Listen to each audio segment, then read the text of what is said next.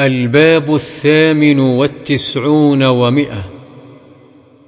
باب استحباب الاضطجاع بعد ركعتي الفجر على جنبه الأيمن والحث عليه سواء كان تهجد بالليل أم لا.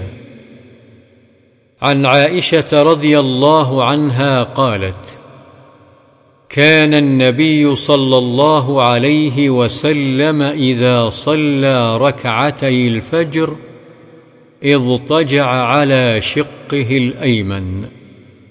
رواه البخاري. وعنها رضي الله عنها قالت كان النبي صلى الله عليه وسلم يصلي فيما بين أن يفرغ من صلاة العشاء إلى الفجر إحدى عشرة ركعة. يسلم بين كل ركعتين ويوتر بواحدة. فإذا سكت المؤذن من صلاة الفجر وتبين له الفجر وجاءه المؤذن قام فركع ركعتين خفيفتين ثم اضطجع على شقه الأيمن هكذا حتى يأتيه المؤذن للإقامة. رواه مسلم.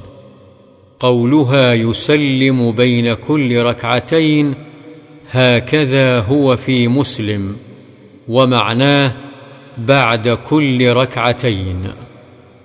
وعن أبي هريرة رضي الله عنه قال قال رسول الله صلى الله عليه وسلم إذا صلى أحدكم ركعتي الفجر فليضطجع على يمينه. رواه أبو داود والترمذي بأسانيد صحيحة.